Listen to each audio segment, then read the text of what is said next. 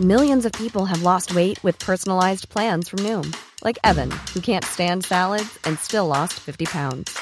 Salads, generally, for most people, are the easy button, right? For me, that wasn't an option. I never really was a salad guy. That's just not who I am. But Noom worked for me. Get your personalized plan today at Noom.com. Real Noom user compensated to provide their story. In four weeks, the typical Noom user can expect to lose one to two pounds per week. Individual results may vary. I'm Sandra, and I'm just the professional your small business was looking for. But you didn't hire me because you didn't use LinkedIn jobs. LinkedIn has professionals you can't find anywhere else, including those who aren't actively looking for a new job but might be open to the perfect role, like me. In a given month, over 70% of LinkedIn users don't visit other leading job sites. So if you're not looking on LinkedIn, you'll miss out on great candidates like Sandra. Start hiring professionals like a professional. Post your free job on linkedin.com/people today. It's that time of the year. Your vacation is coming up. You can already hear the beach waves, feel the warm breeze, relax, and think about work. You really, really want it all to work out while you're away. Monday.com gives you and the team that peace of mind. When all work is on one platform and everyone's in sync, things just flow wherever you are. Tap the banner to go to Monday.com.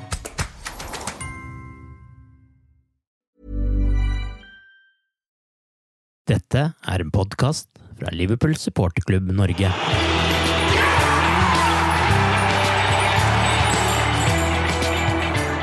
Liverpool har startet sesongen forrykende i Premier League, og nå er det også klart hvilke lag som er motstandere i Champions League.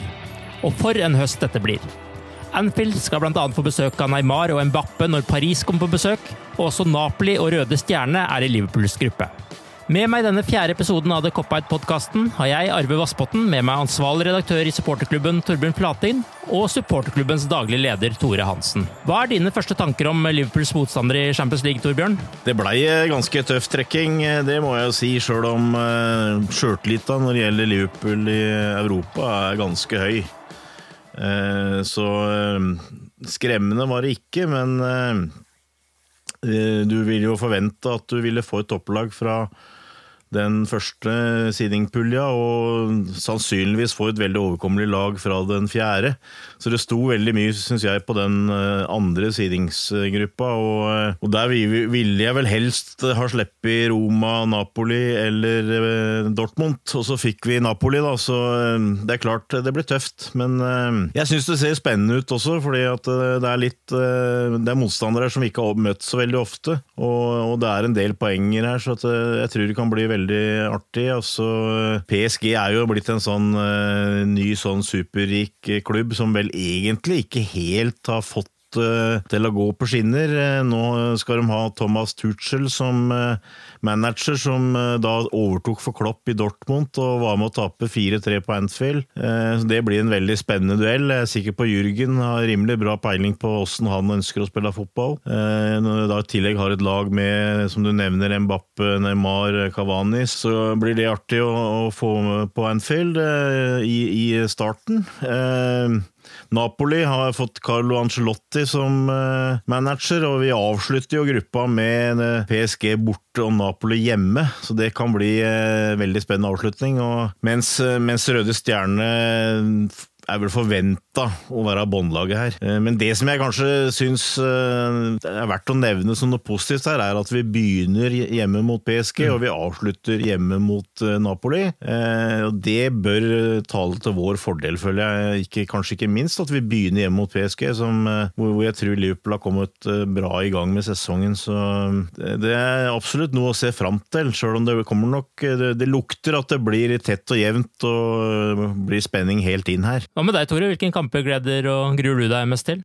Jeg tenker litt sånn som Torbjørn, sånn som han sa avslutningsvis her, at uh, kanskje datoene og hvem vi spiller mot først og hvem vi spiller mot til slutt, kan uh, bli viktig. Og, uh, så, så, Sånn sett syns jeg det var greit å få den hjemmekampen mot Napoli til slutt, sånn at du på en måte har mulighet, eller iallfall større mulighet, til å styre eh, det resultatet sjøl, med fordel av hjemmebane, hvis det skulle være nødvendig å, eh, å vinne f.eks. For, for å avansere og gå videre. Mm.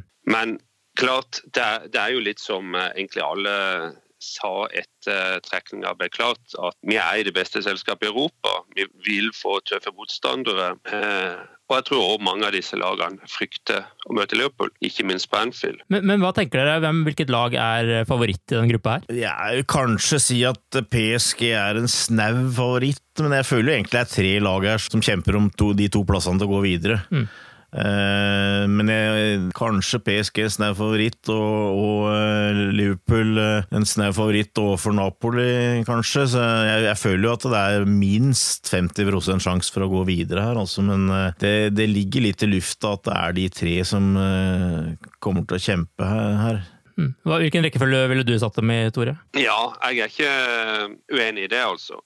Det som kanskje òg kunne legge til i forhold til til Napoli, da, det er jo det at eh, det var vel i 2010, når vi spilte mot dem sist, så, så, ble det en veldig stygg batalje der nede før kampen. Med, litt sånn som vi så med, med Roma i, eh, når, de, når, de, var på Anfield. Det var mye slåssing og bråk. Eh, folk som måtte på sykehus, folk som eh, bokstavelig talt tar arv for livet etter knivstikking. De såkalte ultras var jo eh, ute etter alt som kunne minne om engelskmenn den dagen, og til og med cruiseturister som gikk i land fra en båt der ble angrepet. Så det har blitt en litt sånn eh, kamp som er blitt snakka om lenge eh, for de som, eh, som, reiser på bortekamp i Europa. Er det på en måte den tøffeste bortekampen her, både når du tenker da med det som skjer på tribunen og den atmosfæren som skapes både på godt og vondt, da. Men er det den kampen vi bør frykte mest sånn på bortebane? Ja, kanskje. Det er nok det, altså. Det har ikke skjedd så mye i italiensk fotball uten å henge ut alle klubbene, altså. Men Eh, jeg var i Roma f.eks. I, i vår, og det var et politioppbud uten like. Det, det, er nesten skremmende å se hvor mye som kreves for å bare spille en fotballkamp av og til. Mm. Eh, så jeg tror nok dette blir eh, nesten på samme, samme, nivå, selv om det er en gruppespillkamp og ikke en avgjørende kamp om en, en Champions League-finale. Eh, torsdag ble jo den store trekningskvelden for eh, Liverpools del, eh, der også ligacupens tredje runde ble trukket. og Der dro vi jammen Chelsea opp av hatten. Hva, hva, tenker dere om det? Nei, Det var jo ikke noe drømmetrekning det heller, for så vidt. Men det regner jeg med at Chelsea heller også vil si. Men jeg hadde jo egentlig håpa, for å være ærlig, så lett trekning som mulig. Også fordi at jeg føler at det er en kamp som det kunne vært ålreit å benytte av troppen og gitt folk som ikke har spilt så mye i startoppstillingen, en sjanse. Kanskje gitt et par unggutter en mulighet. Nå veit jeg ikke åssen Klopp kommer til å gå til denne kampen. Eh, vi kommer sikkert tilbake til det, men det er klart eh, nå eh, etter landslagspausa så kommer det til å bli et kjør av kamper. Så han er nødt til å bruke troppen, og det er vel naturlig at da Lia-cupen blir en av de kampene hvor han bytter en del. Så blir det spennende å se om Chelsea gjør det samme, selvfølgelig. Men det er klart, blir høyst sannsynligvis prega av det, at han må, føler at han må ta ut et nokså sterkt lag i den kampen der. Så det var ikke, det var ikke veldig gunstig, for så vidt. Men altså, det positive er jo at vi er hjemme, da. Eh, og vi har hjemme først i eh, Champions League òg, så det er klart vi har kamper på Anfield, så det, det gjør liksom litt eh, lettere, føler jeg. Men det er jo litt et kampprogram vi, vi, snakker om her. da. Altså Etter landskampspausen nå, så er det da sju kamper som skal spilles på under en måned, fra 15.9 til 8.10. Og på toppen av det så ser altså kampprogrammet slik ut. Tottenham borte. Første kamp i Champions League mot Paris Banfield. Så Southampton hjemme. Chelsea ligacupen hjemme. Chelsea Premier League borte. Napoli borte. Og så Manchester City hjemme før det er ny landslagspause.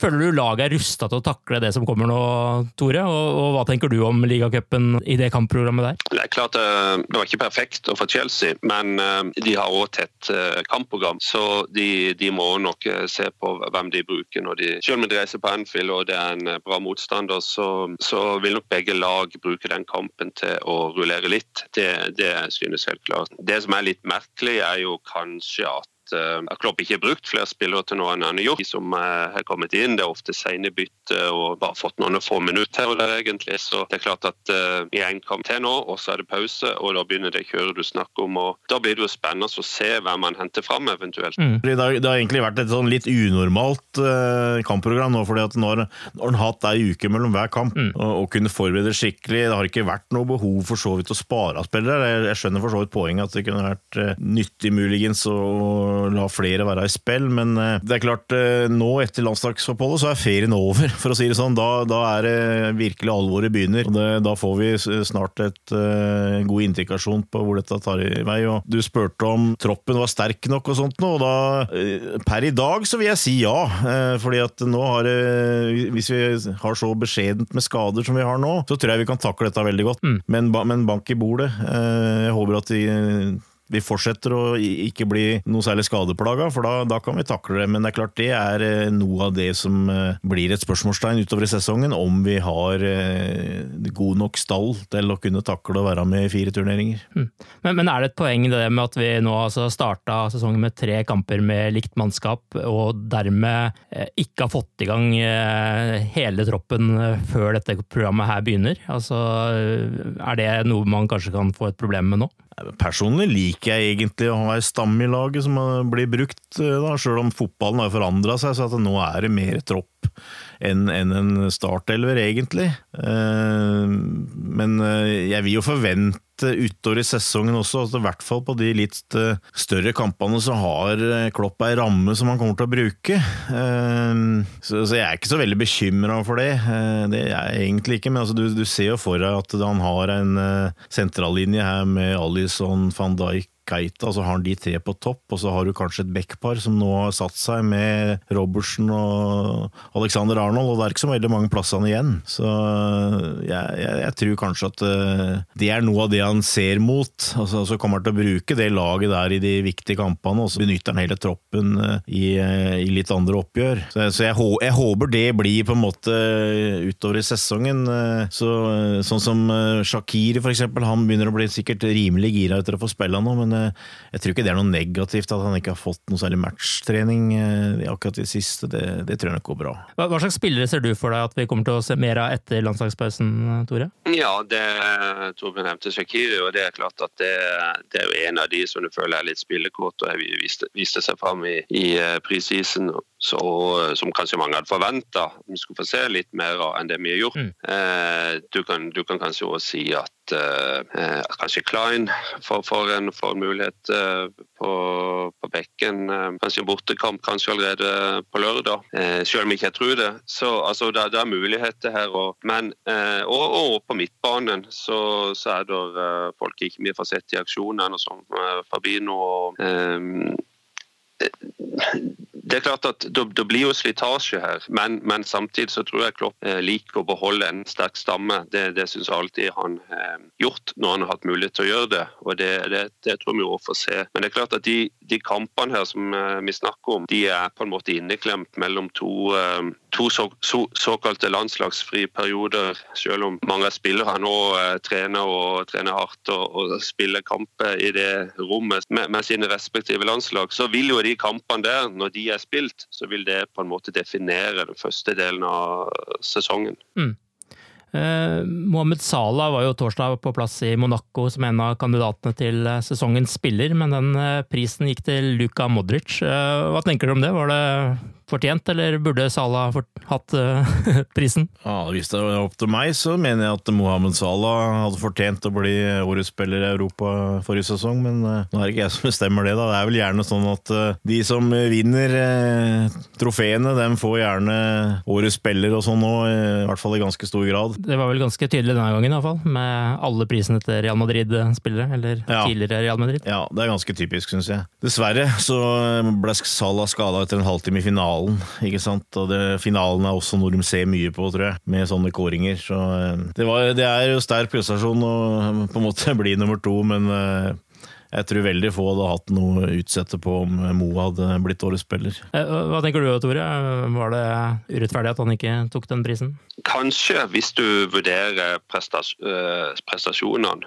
I, og tenker kun forrige sesong og, og hva det er, men du føler vel kanskje at uh, Salah har hatt én knallsesong, og, og, og, kanskje det derfor ble litt stang ut. Hadde han hatt en eh, to-tre sånne sesonger, så, um, eller prestert eh, på høyt nivå i en toppklubb i, i, i flere sesonger, så hadde han kanskje eh, tatt denne. Men eh, han kom som en komet i fjor og eh, hadde, hadde, ikke noe dårlig sesong i Roma for all del, skåret masse mål, men eh, han tok et, et, stort skritt videre. og eh, Det er nok flere trofeer å, å vinne for Salah framover, tipper jeg. Grunnen til at jeg kom inn på Salah, var jo denne snakken om eh, landslagspauser, egentlig. Og, og, der har det jo vært litt turbulent nå den siste uka mellom Salah og det egyptiske fotballforbundet. Hvordan oppfatter du den saken, Tore? Eh, og tror du det vil påvirke Salah nå framover? Ja, det er jo egentlig en eh, ganske stygg sak, og den har jo pågått over lang tid. Den begynte jo uh, i vår, før, uh, før VM, der, de, der, Fotballforbundet plutselig begynte å bruke både navn og bilde av Salah i, i forhold til, til, reklame, og på en måte solgte ja, navnet hans sitt til en, et, et, mobilselskap som konkurrerer med f.eks. Vodafone som Salah er knytta opp til. Mm. Så det ble, eh, det ble, mye styr allerede da. Og så eh, var det jo den uh, omdiskuterte treningsleiren i Tsjetsjenia og, og bildet med en president, for å si det pent. Han er vel blitt kalt mye rart. den Eh, Kadyrov, som han heter. Um, og eh, det, det, ble jo litt rabalder da med organisasjoner som, uh, som mente at Salah burde visst bedre enn å bli avbilda med han. Uh, det har jo kommet helt tydelig klar, klart fram i ettertid at det var en situasjon som Salah og alle rundt han mislikte sterkt. og og helt tydelig at det var noe han følte han måtte stille opp på.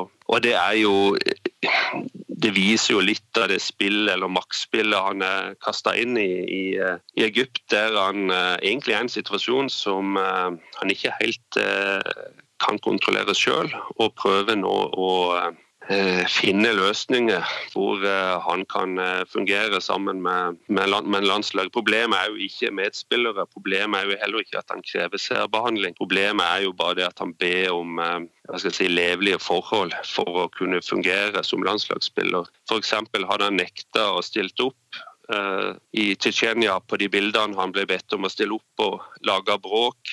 Eh, Egypt hadde blitt slått tidlig ut, så hadde Salah blitt pekt på som en syndebukk. Han har lagt bråk, han hadde vært vanskelig. ikke sant? Så det er, det er en veldig vanskelig eh, balansegang og et eh, litt sånn vanskelig spill han eh, er blitt eh, kasta inn i, føler jeg. Og det, det som du spør om det påvirker han, det er vanskelig å si, men han bruker mye energi på dette nå. Han bruker mye tid mm. på dette nå. Så jeg, jeg tror dessverre at det påvirker han litt. Han er ikke starta som en rakett i år og, men det det er jeg ikke veldig bekymra for, egentlig. Eh, så kanskje ikke vi har sett så mye av det ennå, men eh, jeg håper at eh, den saken snart kan legge bak seg. Men det er jo veldig hva skal jeg si, vanskelig for han, ikke sant? Han, han er på landslagssamling, det banker på døra på, på natta, og det kommer folk inn og, og krever selfie med. Altså, dårlig med security, eh, dårlige forhold for å prestere som, eh, som fotballspiller. Så det, det, virker veldig låst nå, altså. Men eh, på banen så virker han jo Du ser jo altså, kroppsspråket syns jeg virker bra. Smilet er der, og han skårte, ble matchvinner. Eh, mot Brighton. Så jeg er ikke veldig bekymra, men at det, at, at det, plager han at han uh, må bruke mye tid og krefter på dette nå. Det gjør han. Og, uh, så litt sånn uh, uro i magen, det kjenner jeg kanskje på. Du nevner jo kroppsspråket. Jeg skulle egentlig til å si at ser man ikke egentlig litt annet kroppsspråk fra Sala denne sesongen enn forrige? At han liksom blir mer oppgitt når han bommer på sjanser og en del sånne ting. Altså, han har jo på en måte gått fra å være en uten de altfor store forventningene i starten av fjorårssesongen til å bli en superstjerne i, i, løpet av sesongen. Ikke bare spille wing, men han skal levere det antallet mål han hadde i fjor også. Forventningene er jo helt annerledes. Hva, hva tenker du Torbjørn, i forhold til Sala og dette med fotballforbundet og den nye statusen han har og alt dette? Hvordan Tror du det påvirker han denne sesongen? Ja, altså jeg er enig i det siste du sa der, i hvert fall. At uh, han føler nok at han uh, har et større ansvar på skuldrene sine. Uh, det, det, det, sitter Det har jeg også en liten følelse av. At det er, litt, det er som du sier, litt mer fakter og litt, blir litt mer oppbrakt hvis han misser en sjanse osv. Eh, Så det er jeg litt enig i, men eh, det tror jeg vil komme med, med skåre et par mål og sjøltillit og sånt. Og angående det med den saken, så er selvfølgelig det aldri positivt. Men sånn generelt så føler jeg vel at fotballspillere er ganske flinke til å koble ut uh, utensportslige ting idet de liksom kommer inn på det grønne gresset. Altså Det er fotballspillere med svære problemer som allikevel har spilt kamper og greid å prestere, så totalt sett så tror jeg ikke det kommer til å bli noe stort problem, men uh, selvfølgelig litt fortere at du kan få ordna opp en sånn sak, det bedre er det. Det er jo mye positivt rundt Liverpool om dagen, men en annen som også har skapt noe støy, er jo Simon Mignolet, som tydeligvis ikke er fornøyd med at det var Karius som forsvant på lån og ikke ham selv, og kalte vel det som en bisarr situasjon. Er du overrasket over at han tar den eh, offentlige skittentøysvasken der, Torbjørn? Ja, jeg er det. Jeg er litt overrasket over at han går ut offentlig. Nå var det vel et intervju i Belgia eller et eller annet sånt, det? Og kom, hvis det kommer noe sånn skittentøyvask, så er det gjerne når de drar hjem til, med lokale journalister eller fra hjemland og sånt noe. Kanskje er det litt oversettelse som uh, forsvinner underveis og litt forskjellig, jeg veit ikke. Men uh, jeg er jo ikke Jeg, jeg forstår den godt, egentlig. Altså, hvis han sier at han føler at han blir uh, behandla litt for lut og kaldt vann, så så, så, kan jeg forstå det, men jeg er som sagt litt overraska over at han tar offentlig. For det, det er ikke sånn, sånn, jeg oppfatter han som type. Eh, men det bekrefter vel for så vidt bare det at eh, du vil ikke forvente at Simon kommer til å være lenge på Anfield, det tror jeg ikke. Eh, men jeg tror også han er sånn profesjonell type at når han nå blir, blir, i hvert fall fram til januar, så tror jeg han kommer til å være, gjøre en profesjonell jobb. Jeg er ikke så redd for det, men det ligger i korta at nærmest ved første og beste anledning så det vel, ligger det vel an til at han reiser, hvis det passer Liverpool sånn, og at man får tak i en som kan komme inn for han. Det, det tror jeg, men det er Ja, det er litt overraskende, men det Jeg tror kanskje Klopp følte et ansvar for Karius med det som hadde skjedd og greier, og at han hadde vondt for å si nei når, når han fikk en mulighet. Så Sånn er det bare. Hva tenker du, Tore? Ja, Hvis jeg skal være ærlig, så forstår jeg Mingolé litt. Det, det, det, gjør jeg. Og altså, Han har passert 30 år, og karrieren i Liverpool er jo egentlig over. Så at han ønsker seg bort, vil ha en tre-fire-fem år i, i, en annen klubb, det, det, er helt naturlig. Og Det var vel egentlig også det som var tanken, eh, men litt sånn som Torbjørn sa. Eh, på et tidspunkt så satte Klopp seg ned og, og, og hadde en god prat med Karius, og ting endrer seg litt. og Vi har et par uh, talentfulle uh, unggutter på, på keeperplass, men vi savner en som har uh, erfaring og rutine fra Premier League. Det har Mingolé. Så, så, rent logisk så, så, hadde det vært omvendt, at uh, Mingolé hadde gått, uh, Karius hadde blitt igjen. Um, men sånn ble det ikke. Det eneste jeg kan si uh, Mingolé jeg syns han eh, har vist uh, han, har hatt, uh, han, har vært i, klubben i litt over fem år, og han har hatt noen vanskelige perioder. Men jeg syns han tross alt har takla det bra, da, uansett hva han mener om prestasjonene på banen. Og vist litt karakterstykke. Mm. Styrke, styrke. Og det er vel egentlig sånn jeg kommer til å huske nå. så jeg legger egentlig ikke altfor mye opp i det som jeg ser nå. At han brummer litt, det, det, ikke, det, ser jeg ikke på som uh, spesielt uh, stort problem eller urimelig, egentlig. Det kan vel kanskje oppfattes som en sånn lite uh, siste forsøk på å få noe til å skje før overgangsvinduet stenger på fredag også, kanskje? Ja, han har Ready to pop the question? The jewelers at BlueNile.com have got sparkle down to a science with beautiful lab grown diamonds worthy of your most brilliant moments. Their lab grown diamonds are independently graded and guaranteed identical to natural diamonds, and they're ready to ship to your door. Go to BlueNile.com and use promo code LISTEN to get $50 off your purchase of $500 or more. That's code LISTEN at BlueNile.com for $50 off. BlueNile.com code LISTEN. Hiring for your small business? If you're not looking for professionals on LinkedIn, you're looking in the wrong place. That's like looking for your car keys in a fish tank.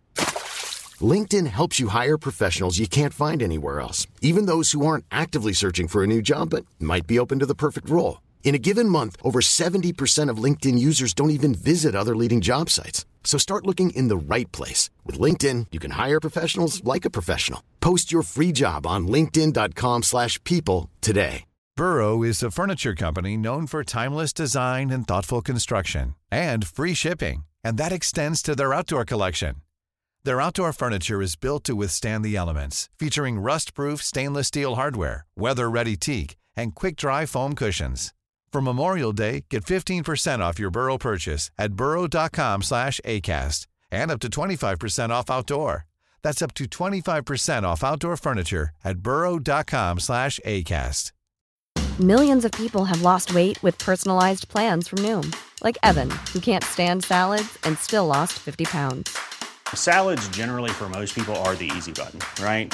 For me, that wasn't an option. I never really was a salad guy. That's just not who I am. But Noom worked for me. Get your personalized plan today at Noom.com. Real Noom user compensated to provide their story. In four weeks, the typical Noom user can expect to lose one to two pounds per week. Individual results may vary. Wow. Nice. Yeah.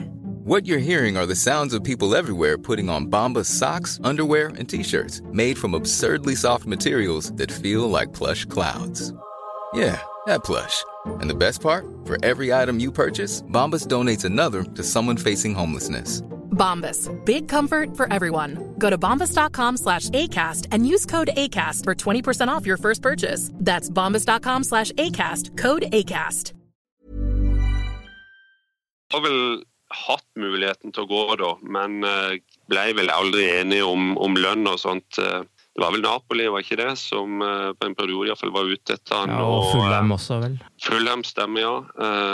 Stemmer, så han har hatt et par klubber som har banka på døra, men ikke, ikke tatt opp de tilbudene de har kommet med. Og, så litt skyld i det har han kanskje sjøl òg, men som sagt For klubben sin del så kan du si at eh, de, de, de trenger jo en, eh, en, en keeper på benken med en viss rutine. og Nå er det Mingolet som er der, og, og det, det må han jo bare innfinne seg med. Liverpool har jo hatt 100% uttelling i de første kampene på veldig mange områder, og en som også har hatt 100% uttelling er Trent Alexander Arnold, som har tre gule kort på tre kamper. Eh, Hva har det å si for han nå framover, Torbjørn? Nei, jeg veit ikke om det har så mye å si. Det er klart, uh, stiller han i en posisjon så at det ligger an til at uh, han uh, sannsynligvis må innfinne seg at han får en suspensjon før jul, men uh, det er litt spesielt, tror jeg. jeg, jeg har ikke akkurat de situasjonene i huet, men det, det ligger vel liksom litt i kortet at han har vært litt rusten og, og vært litt på etterskudd i enkelte situasjoner, og så har det blitt, eh, resultatet har blitt eh, gule kort. eh, Men eh, det er jo også spillere som har hatt fått mange gule kort, og så plutselig så finner de ut at eh, nei, nå må jeg skjerpe meg og, og prøve å unngå kort, og, og så greier de det. Så eh, jeg veit ikke, men eh, det er klart For å, for å unngå sitt- suspensjon, så, så har han kommet dårlig i gang, da. Det har han jo gjort. Men eh, jeg, vet ikke om det vil påvirke noe særlig. Altså, det er, jeg jeg syns jo eh, suspensjonsreglene i engelsk fotball er nokså sjenerøse. Mm. Får du fem gule kort, så står du over én kamp, og Trent eh, kan helt sikkert eh, stå over én kamp, han. eh, Uten at det på en måte har noe særlig påvirkning på det ene eller andre. Eh, Så det, det er nå så det er. Det motsatte er jo på en måte at vi har jo ingen andre som har noe gule kort, så eh, totalt sett så er vi jo snille gutter her. Men eh, nå er det jo kommet eh, litt nye regler når det gjelder eh, suspensjon, med fem gule fram til 19. ligarunde og ti gule til 32. Hvis du, hvis du får noen av de, så blir du først bestraffa med én kamp, og så med to kamper hvis du får ti gule innen 32. Og så er det da, hvis du pådrar deg totalt 15 innen sesongen er over, så eh, får du tre kamper og en, eh, en skriftlig advarsel. Men eh, hvis du ser tilbake på historia, så kan du vel telle Det er vel én maks to, gjerne, fra Liverpool som har mått mått stått over sånn suspensjon for gule kort, så det er jo egentlig en sjeldenhet. Så det er jo, det er jo mye hva skal jeg si, snillere regler enn i Norge, eksempel, hvor du etter hvert får eh, suspensjon for hvert annet gule kort. Så, så det føler jeg vel ikke er noe eh, stort problem. eh, Nå har det jo vært litt snakk om at han kanskje, som sagt, har kommet litt trått i gang, da, og hvis det har vært en som muligens hadde fortjent å fått seg pause, så var det han. Men jeg er egentlig av den oppfatning at jeg syns det er bra at han spiller, og nærmest spiller seg i form, for han var en av de som kom seinest tilbake i sommer pga. VM. Og jeg, sy jeg syns det høyeste nivået hans har fortsatt vært høyt. Altså, han har sendt hatt noen helt glimrende innlegg innimellom. Problemet har bare vært, det har vært veldig ustabilt. Det har vært noen som har havna opp på rad 15 nå. Men det beste han har gjort, har vært veldig bra, og defensivt så har han jo stort sett hatt, hatt kontroll. Så jeg, Trent tror jeg er i bra rute, altså. Det, det bekymrer meg ikke noe. Bare for å nevne det også, det er vel nye regler også i forhold til kort med cupene, at, at kortet bare gjelder i den turneringen man spiller, er det ikke det? Jo, det stemmer, og det synes jeg, jeg, synes, jeg de små forandringene som har vært, er, er fornuftige. Altså Det at du får etter antall ligarunder og ikke etter dato, det har jo litt med å gjøre at noen ganger ikke sant, så er det kanskje en del utsatte kamper.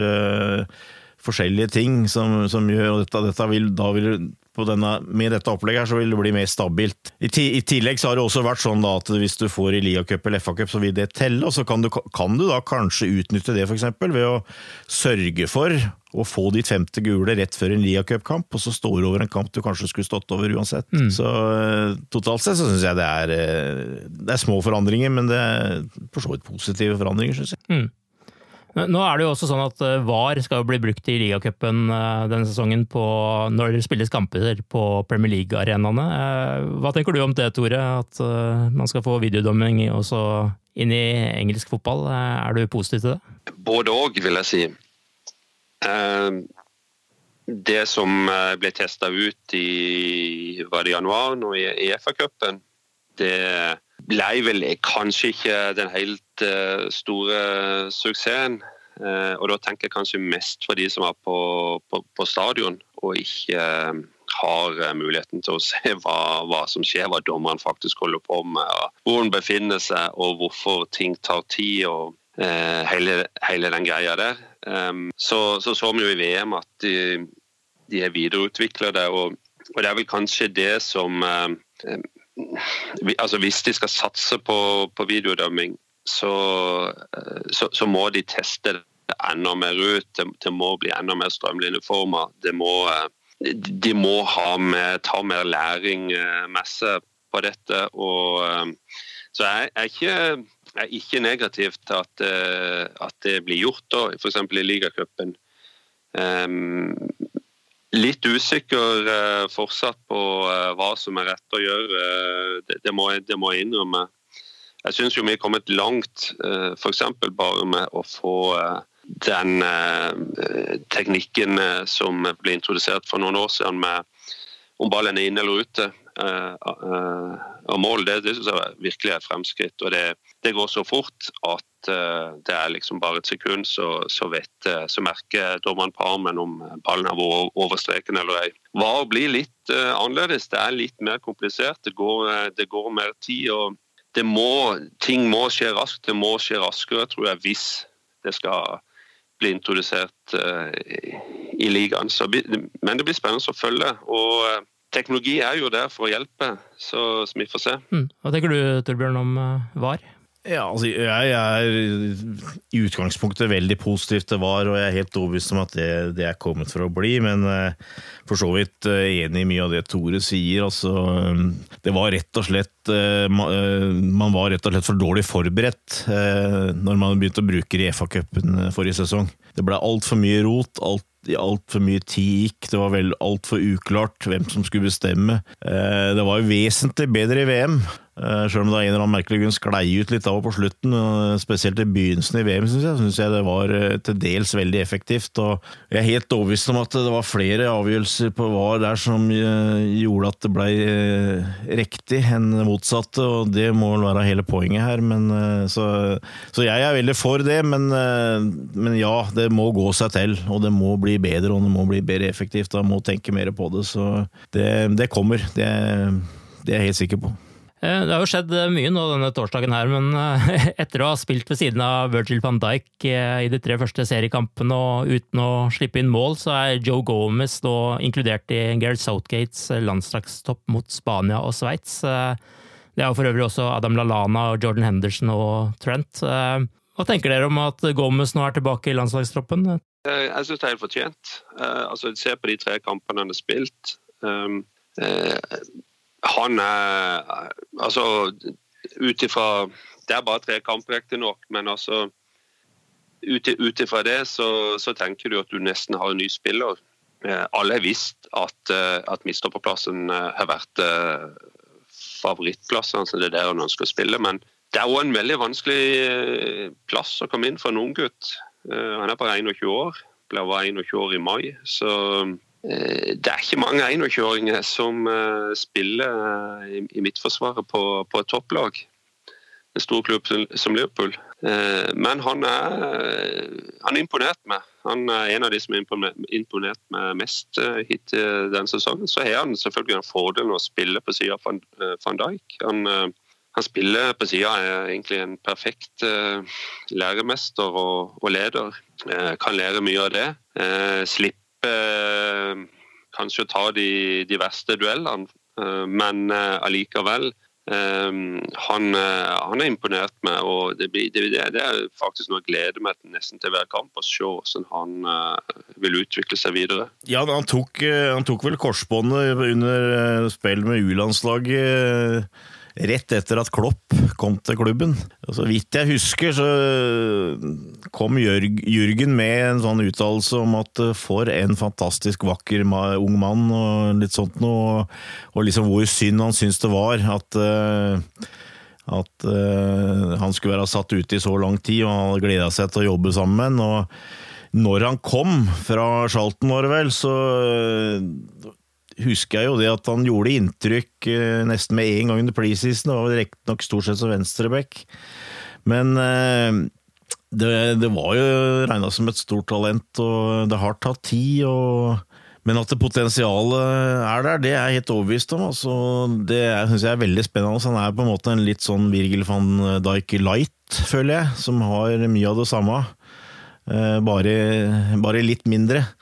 Så hvem veit, altså. Hvis han fortsetter og tar vare på de mulighetene han får nå, og får spilt seg inn, altså, så har vi kanskje en midtstopper for ti år. Altså, jeg føler at han har potensial til å gjøre det. og Han har jo vist også når han har spilt for England at han eh, kan ta det nivået der. Eh, han ble jo kåra til banens beste i en treningskamp mot Brasil blant annet før VM. så det, det er absolutt en veldig spennende spiller der. Altså, så Det kan godt hende at vi kan eh, komme til å spare en del titalls millioner ved, å, ved at Gomus nå endelig slår igjennom. Ja, Det virker jo som det er et veldig godt samarbeid mellom eh, van Dijk og Gomez også.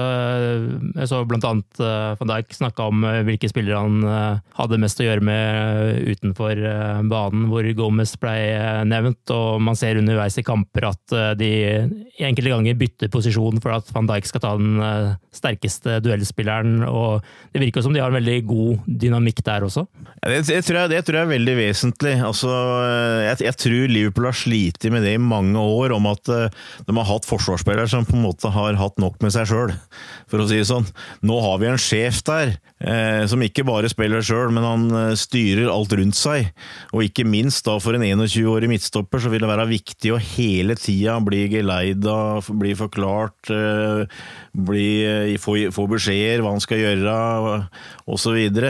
Eh, og det, så det tror jeg er helt vesentlig, og det, det er jo ikke noe tvil om at det har vært en helt avgjørende årsak til at Liverpool har eh, fått mer skikk på forsvaret siden jul. Så det er veldig positivt, ikke minst for Joe Gomez. Ja, Og van Dijk er ikke akkurat en eh, leder som eh, viker unna ansvaret sitt heller. Nei da, han er eh, konge, han. Absolutt. Og en sånn eh, liten eh, digresjon her, så har det blitt snakka mye om pengene Liverpool har brukt i sommer, og spesielt i Forsvaret. Men Gomez var billig, to-tre millioner. Eh, Robertson var billig. Eh, Trent gratis. Så de, de tre til sammen koster kanskje drøyt ti millioner pund. Men hva sier det om Liverpools arbeid med unggutter? At du har på en måte både Trent Alexander Arnold og Joe Gomez eh, med i en landslagstropp for England nå? Nei, det er veldig bra det. Altså nå, forrige sesong blei litt sånn med tidlig exit i Lia-cupen og knallhard kjør i Champions League og for så vidt for å bli topp fire. Så det, det åpna seg i grunnen ikke så veldig mange åpninger for unggutter, eh, egentlig. Det var, det var Trent som på en måte etablerte seg på førstelaget. Eh, men eh, det er ikke noe tvil om at Jürgen Klopp er veldig åpen for å få inn unggutter. Han er alltid villig til å gi dem sjansen, så lenge liksom muligheten åpner seg for den. Jeg følger en del med på reserve- og juniorlag og sånn, og, og du kan si Det er kanskje ikke noe sånn fantastiske resultater hele tida, men jeg syns det er mange fine typer der. Eh, og jeg tror ikke Trent Alexander Arnold er den første som kommer til å etablere seg eh, på førstelaget fra akademiet under Jürgen Klopp. Altså, jeg tror eh, det kommer flere. Og det, jeg, tror også det har blitt en situasjon nå at det er flere av de største talentene som rett og slett går til Liverpool, for de regner med at de får en større sjanse der enn i Chelsea eller Manchester United eller Manchester City. Eh, hvor, hvor, det er veldig trangt, og du heller blir lånt ut uh, til en klubb i Europa isteden. Mm. Så um, det er også noe som har vært veldig positivt med Liverpool de siste sesongene. Når du først nevner det, hva, slags spillere ser du for at kan få en debut denne sesongen her, da? kan si De tre som på en måte blei singla ut etter preseason, var jo Curtis Jones, Rafael Camacho og Nathaniel Phillips. Eh, dem er jo flytta permanent til Melwood. Eh, så jeg vil forvente at i hvert fall minst en av dem får en, eh, en bra sjanse. I tillegg så er jo Rian Brewster fått ny kontrakt og i realiteten erklært som et medlem av førstelagstroppen. og fått drakt nummer 24, som liksom forteller litt om at uh, dette er en Klopp virkelig føler kan ha en mulighet når han er skada. Han blir antagelig ikke spilleklar før nærmere jul, men uh, der har du et lite knippe, i hvert fall, som jeg tror uh, er veldig nærme. og Jeg veit ikke om han slipper dem løs mot Chelsea i ligacupen, men de er i nærheten. og eh, De har gjort det bra under preseason hele veien og fikk være med hele veien. og Han veit de er der, så eh, hvis det kommer en åpning, så, så kommer han til å bruke den. Hva slags posisjoner spiller disse i, for de som ikke vet det? Curtis Lons er jo en sånn eh, etterutgave av Steven Gerrard, eh, må man vel egentlig si. En sånn allsidig midtbanespiller med driv, som kan skåre mål. Eh, som er mest offensiv av legning, men som kan gjøre det aller meste på midtbanen. Camacho er i utgangspunktet en, en kant, men som også spiller back. Altså en spiller på, med gode innlegg. Slepen portugiser. Eh, Nathaniel Phillips er en sånn litt sånn eh, utenom det vanlige type, som eh, var i ferd med å slutte med fotball, men som fikk muligheten i Liverpool. Han er sønn av en tidligere spiller i Bolton, og, og som er en ja, i utgangspunktet ganske britisk midtstopper, syns jeg. Bra i duellspillet, bra i lufta, men som også har vist at han kan være bra på bakken, og som, som sagt har, har, hatt en veldig bra utvikling og gjorde det bra under preseason. Mens eh, Rian Brewster da, ble toppskårer nå for, uh, i VM for U17-landslag. Uh, ja, hvis jeg ikke rører, at det var, det var i hvert fall et VM for uh, aldersbestemmelsens landslag, jeg tror det var U17, og, og som uh, har bøtter inn med mål på både England og uh, på juniorlaget til Liverpool. Uh, en sånn typisk spiss med fart og lukter mål og løper i luker og har vist at han kan skåre på nær sagt alle nivåer, så en veldig sånn eh, spennende type. En sånn liten Michael Owen, kanskje. Så eh, det Ja, det, det blir artig å følge de gutta der. Nå er det jo en ny kamp nå på lørdag mot Leicester. Eh, de fleste av de her er kanskje ikke klare for den, men ut fra det du så mot Brighton, Tore, ville du gjort noen endringer på laget til kampen nå i helgen? I utgangspunktet ikke.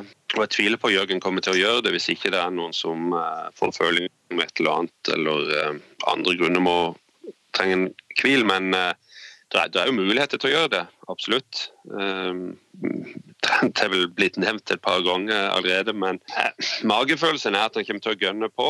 Det er pause etter den kampen. Um, men kanskje bytte inn uh, spillere litt tidligere fra benk muligens enn det han har gjort uh, så langt denne sesongen. For gitt et kvarter 20 minutter, uh, en eller to av de som vi kanskje må lene oss litt på når vi begynner å, rullere mer på laget. Men det er, en, kre, det er en krevende bortekamp. og jeg er faktisk mer usikker på denne kampen enn f.eks. mot Pelle borte. I de siste årene som vi har hatt en mye dårligere rekord i Leicester. Um, Syns egentlig alltid det har vært en vanskelig bane for Liverpool. Uh, de har kommet godt i gang. Uh, vunnet to av tre.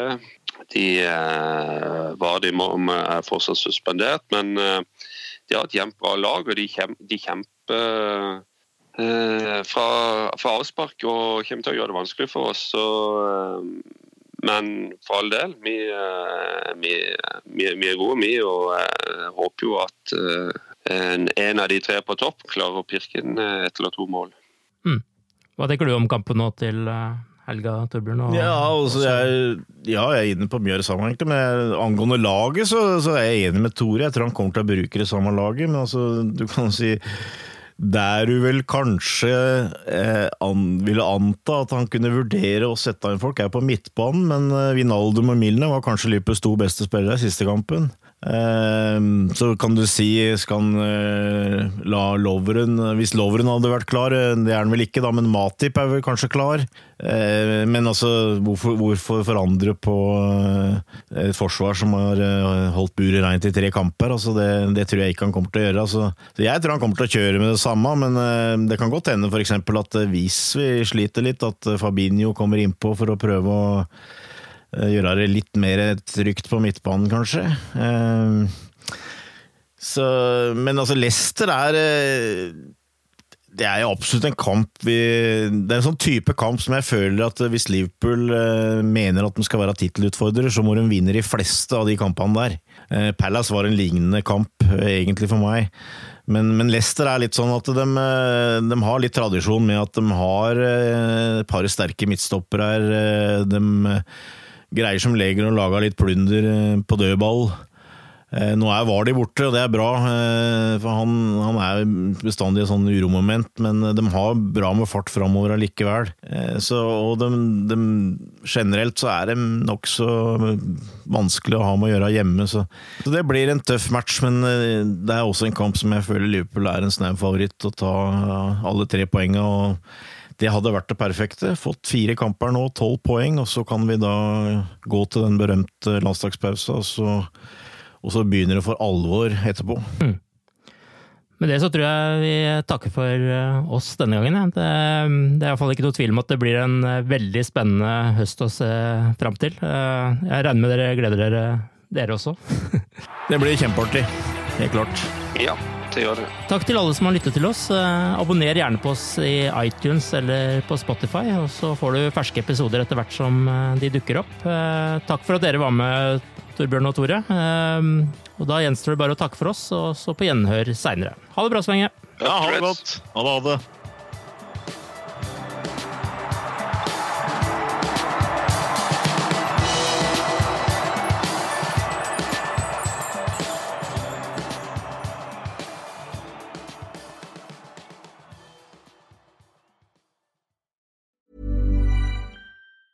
Planning for your next trip? Elevate your travel style with Quince. Quince has all the jet setting essentials you'll want for your next getaway, like European linen, premium luggage options, buttery soft Italian leather bags, and so much more. And it's all priced at 50 to 80% less than similar brands. Plus, Quince only works with factories that use safe and ethical manufacturing practices. Pack your bags with high-quality essentials you'll be wearing for vacations to come with Quince. Go to quince.com slash trip for free shipping and 365-day returns. Hi, I'm Daniel, founder of Pretty Litter. Did you know cats tend to hide symptoms of sickness and pain? I learned this the hard way after losing my cat, Gingy. So I created Pretty Litter, a health monitoring litter that helps detect early signs of illness by changing colors, saving you money and potentially your cat's life. Pretty Litter is veterinarian developed, and it's the easiest way to keep tabs on your fur baby's health right at home. Go to prettylitter.com and use code ACAST for 20% off your first order and a free cat toy. Terms and conditions apply. See site for details.